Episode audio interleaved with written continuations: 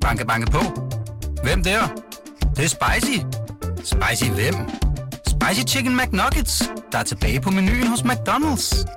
Badum, bom, tji.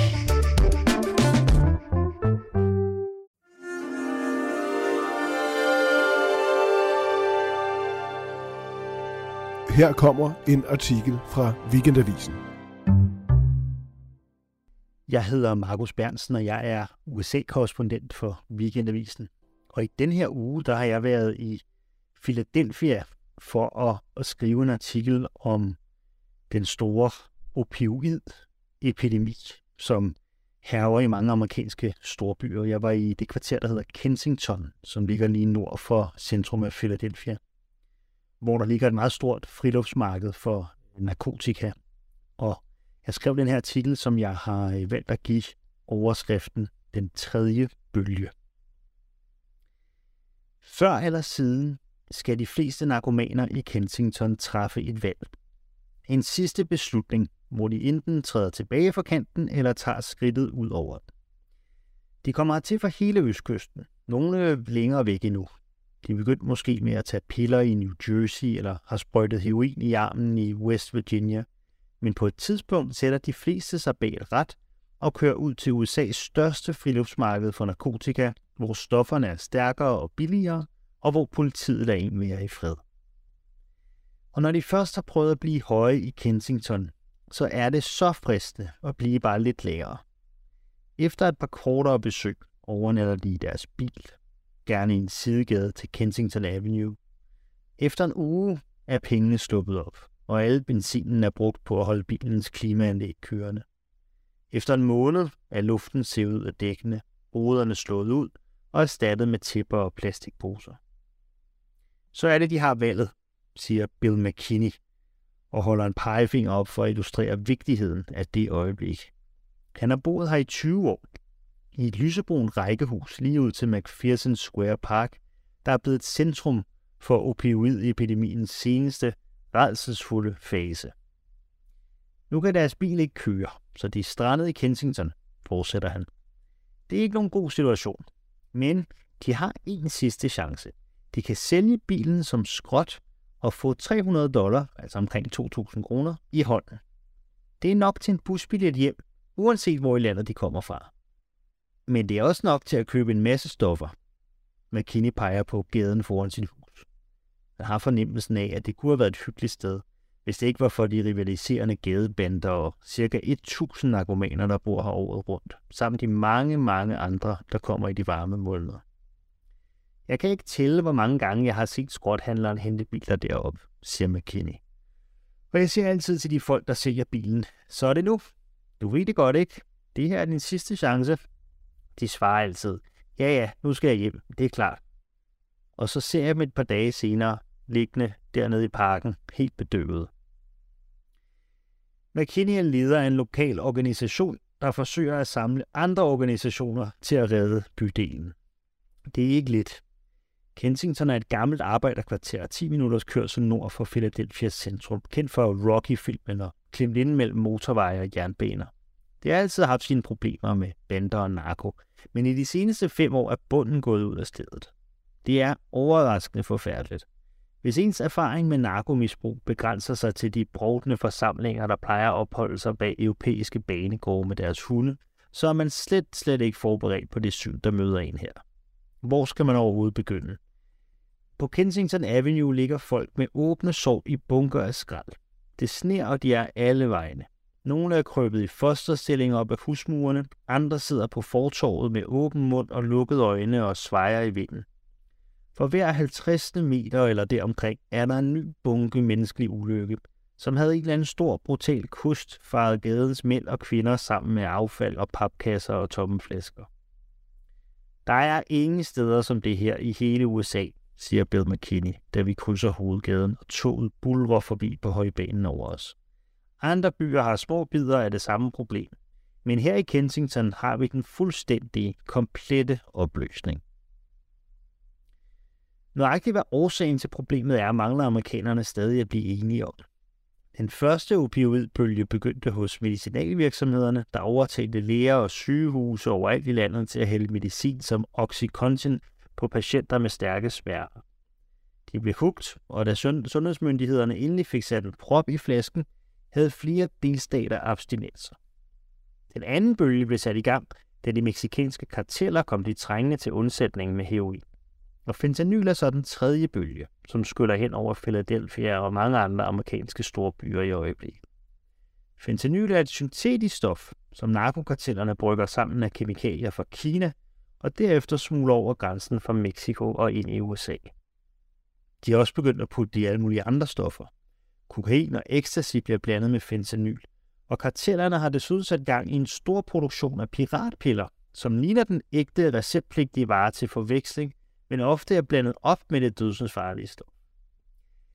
Er man ikke vant til opioider, risikerer man at drætte død op af bare en knivspids fentanyl. De mest uhyggelige dødsfald i amerikanske medier lige nu er de mange teenager og college-studerende og familiefædre, der tager en streg kokain eller sluger en sovepille og bare får hjertestop på stedet. Hele festselskaber er blevet fundet døde rundt om et bord, som var de frosset i tid. I de seneste tre år er mindst 70.000 amerikanere døde af en fentanyl-overdosis, og politikerne har givet først det ene og så det andet skylden for epidemien. I Washington er det også blevet et ømt udenrigspolitisk emne, som berører de amerikanske smertepunkter Mexico og Kina. Indtil videre har man heller ikke fået meget hjælp fra nogle af landene. Onsdag denne uge lovede Mexikos præsident ganske vist at forbyde fentanyl til medicinsk brug, men han nægtede samtidig, at stoffet bliver produceret ulovligt i landet. Det sker kort efter, at amerikanske myndigheder har konfiskeret store partier piller fra smuglere ved grænsen.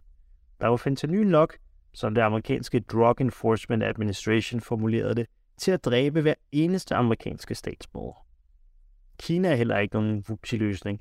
For tiden er der stort set ikke noget samarbejde mellem amerikanske og kinesiske myndigheder, så det kan have meget lange udsigter at forbyde eksporten af de kemiske komponenter til stoffet. Det er altid lettest at pege på én ting som årsag til problemet, siger Bill McKinney. Det er Kina. Det er problemerne ved grænsen. På den måde så peger det heller ikke tilbage på os selv, på vores allesammens ansvar for at finde en løsning. Så er det kun dem, der gør noget forkert, siger han. I Philadelphia er sandheden nok, at mange på rådhuset er lettet over, at det lykkedes at isolere problemet i Kensington, siger han. Ved at samle dem der og lade narkohandlere og misbrugere vide, at politiet nok skal lade dem være i fred, så længe de holder sig derude. På den måde har man kunnet skåne resten af byen. Isolation er det eneste tiltag, som alle kan være enige om, siger McKinney. Man har forestillet sig, hvis bare man får alting samlet på ét sted, så vil man også kunne løse problemet. Men hvis man aldrig har haft en løsning, så hjælper det jo ikke så meget. Lige nu kan alle kun blive enige om, at de ikke vil have problemerne der, hvor de selv bor. Den tredje bølge i epidemien er anderledes, mener Bill McKinney. I de seneste år har flere delstater skærpet straffen for salg af fentanyl. Og det kunne ligne et tegn på, at amerikanerne efterhånden er godt trætte af at høre om epidemien alle vegne, mener han. For et år siden var der stadig stor sympati med offrene for opioidepidemien, siger McKinney. Dengang var historien også, at det var de hvide, som havde arbejdet hårdt og som var blevet afhængige af Oxycontin efter at være gået til lægen. Jeg er gammel nok til at kunne huske crack-epidemien i 90'erne, hvor der ikke var den mindste medlidenhed med offrene. Jeg synes, vi begynder at se det samme ske nu. Rundt om i landet er folk begyndt at kræve, at nogen skal smides i fængsel, og det sker samtidig med, at de fleste misbrugere på gaden ikke længere er hvide, men sorte. Men der er også noget andet ved den nye bølge, der ikke følger de normale mønstre, mener McKinney. Min erfaring siger mig, at der kommer en bølge på narkomarkedet hver 6. eller 7. år, siger han. Efter at bølgen er knækket og volden er toppet, så falder det hele til ro igen, og så begynder der en ny cyklus på 6-7 år. Men det her er første gang, hvor bølgen ikke knækker, men bare bliver ved og ved med at vokse. Opioidepidemien har været i gang længe nu. Den er kun vokset og blevet værre. Vi går forbi et hjørne bag McKinneys kontor, hvor der bliver solgt stoffer. Der har også været en del skyderier og mor i nærheden af hjørnet, så McKinney under lav profil og går foran mig hen med foto. Pludselig er der en mylder af mennesker rundt om to sorte fyre i joggingsæt. Folk småløber hen til dem fra alle retninger. De deler smagsprøver ud, forklarer McKinney, da vi er kommet lidt væk. For at sprede budskabet om, at der er kommet nyt stof. Det er god reklame. Nogle gange er der 100 mennesker, der løber ned ad gaden samtidig for at få fingre i en pose. De færreste gør så klart, hvor mange penge der er i et sted som Kensington, siger McKinney. Ikke på trods af elendigheden, men på grund af det. sætter er der narkohandlen, som menes at have en værdi på mere end en milliard dollar om året. Men der er også de mange organisationer, som lever af, at Kensington er det hårdeste kvarter i Amerika lige nu. Han har peget ud under turen gennem kvarteret. Der er de kristne missionærer, der står og misser over køen til et suppekøkken. Der er de mange varevogne og mobile laboratorier for byens universiteter. Der er den velgørende organisation, der deler nye kanyler ud og har ansat sikkerhedsvagter foran deres hovedkvarter. Forleden gik en gruppe mennesker rundt og ringede på døre, fordi de ville lege med vores børn, som det sagde, forklarer McKinney. De havde betalt en kirke, der ligger fire timer væk, for at tage dem med på en missionerende tur herud.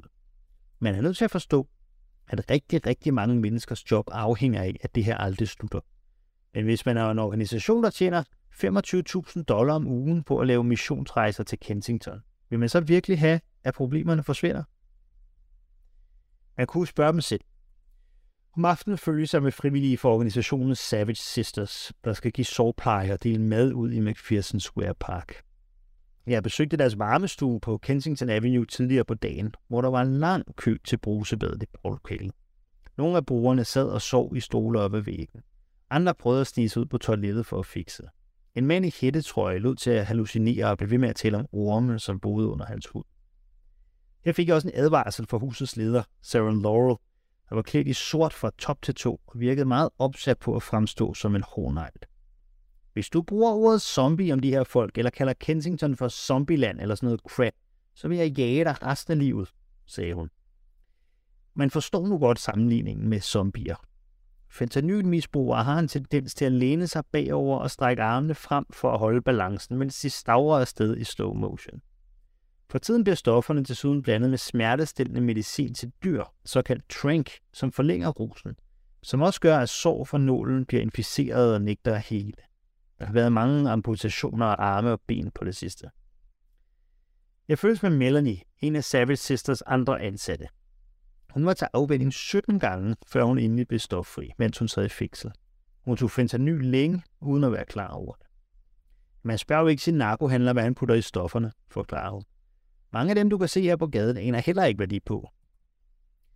Der er virkelig ikke meget tilbage af Kensington Avenue. Stort set alle butikkerne er lukket og på facaderne hænger der plakater med savnede personer, der sidst har set i kvarteret. I sidegaderne holder flere biler med punkteret dæk og venter på, at ejerne træffer deres sidste valg. Andre lader til først lige at være kommet. Der er også buttede teenager med blanke øjne på gaden. Nogle går rundt med rullekuffert og små tasker, så var de bare på en weekendferie i helvede. I parken danner der sig hurtigt en kø hen til bordene med chokolademælk og cheeseburger fra McDonald's. På en trappe er to mænd i gang med at tænde et trist bål af et par planker. Rundt om på fortov og græsbaner ligger der afsvedende rester fra tidligere bål. Og en anden grund er det særligt nedslående, at ingen af dem har fundet på at lave et ordentligt ildsted, men at alle bare starter forfra hver aften. Jeg taler med Chris, der er 32 og har boet på gaden i fem år. Han peger på et nøgen fortov på den anden side af gaden, foran noget, der engang var en arabisk restaurant. Der sover han, hvis han ellers skal få lukket et øje. Folk stjæler fra hinanden om natten, siger han. Hans marker er Popeye, en soldaterveteran på 61 år, der sidder i kørestol efter at have mistet det ene ben. Popeye har også mistet det yderste af to fingerspidser efter en infektion fra fentanyl blandet med dyremedicin. Se, det er også Trank, siger han og peger på en mand på trappen bag os, der bliver tilset af to Savage Sisters. Manden har smået buksebenet op og blottet en dyb rød fod og et skinneben, der er helt spændt af infektion. Midt på foden har han et væskende sår på størrelse med en golfbold, der ligner en brønd ned i kødet. Andre begynder at sammenligne deres sår. De fleste har dem. En mand fra New Jersey vil give alt for at få de smertestillende piller tilbage, som hjælp mod hans ryg. Jeg er kun fordi at være smerterne til at forsvinde, siger han. Det eneste gode ved Kensington er, at politiet lader dem være i fred, forklarede han. Jeg fortæller om en politimand hjemme i Camden, der var kendt for at brække folks arme, som var de kyllingevinger, som han siger det. Han laver en hurtig bevægelse med den ene arm. Knæk, knæk. Hey, udbryder den Melanie, da en mand i hættetrøje staver langsomt op til hende. Hey, jeg troede, du var blevet holdt kunstigt i live på hospitalet. Manden læner sig bagover med armene stridende frem i den karakteristiske positur. Det tager lidt tid, før han svarer med en tynd stemme. Gid jeg var. Efter en halv time er der ikke mere med, og folk begynder at sive tilbage mod Kensington Avenue eller op i parken. Chris står tilbage på trappen, mens et tog buller forbi over ham. Der findes ikke et sted som det her noget andet sted på jorden, siger han, da toget er passeret. Det er som om, nogen har sat en glaskuppel ned over hele kvarteret for at se, hvordan vi vil opføre os.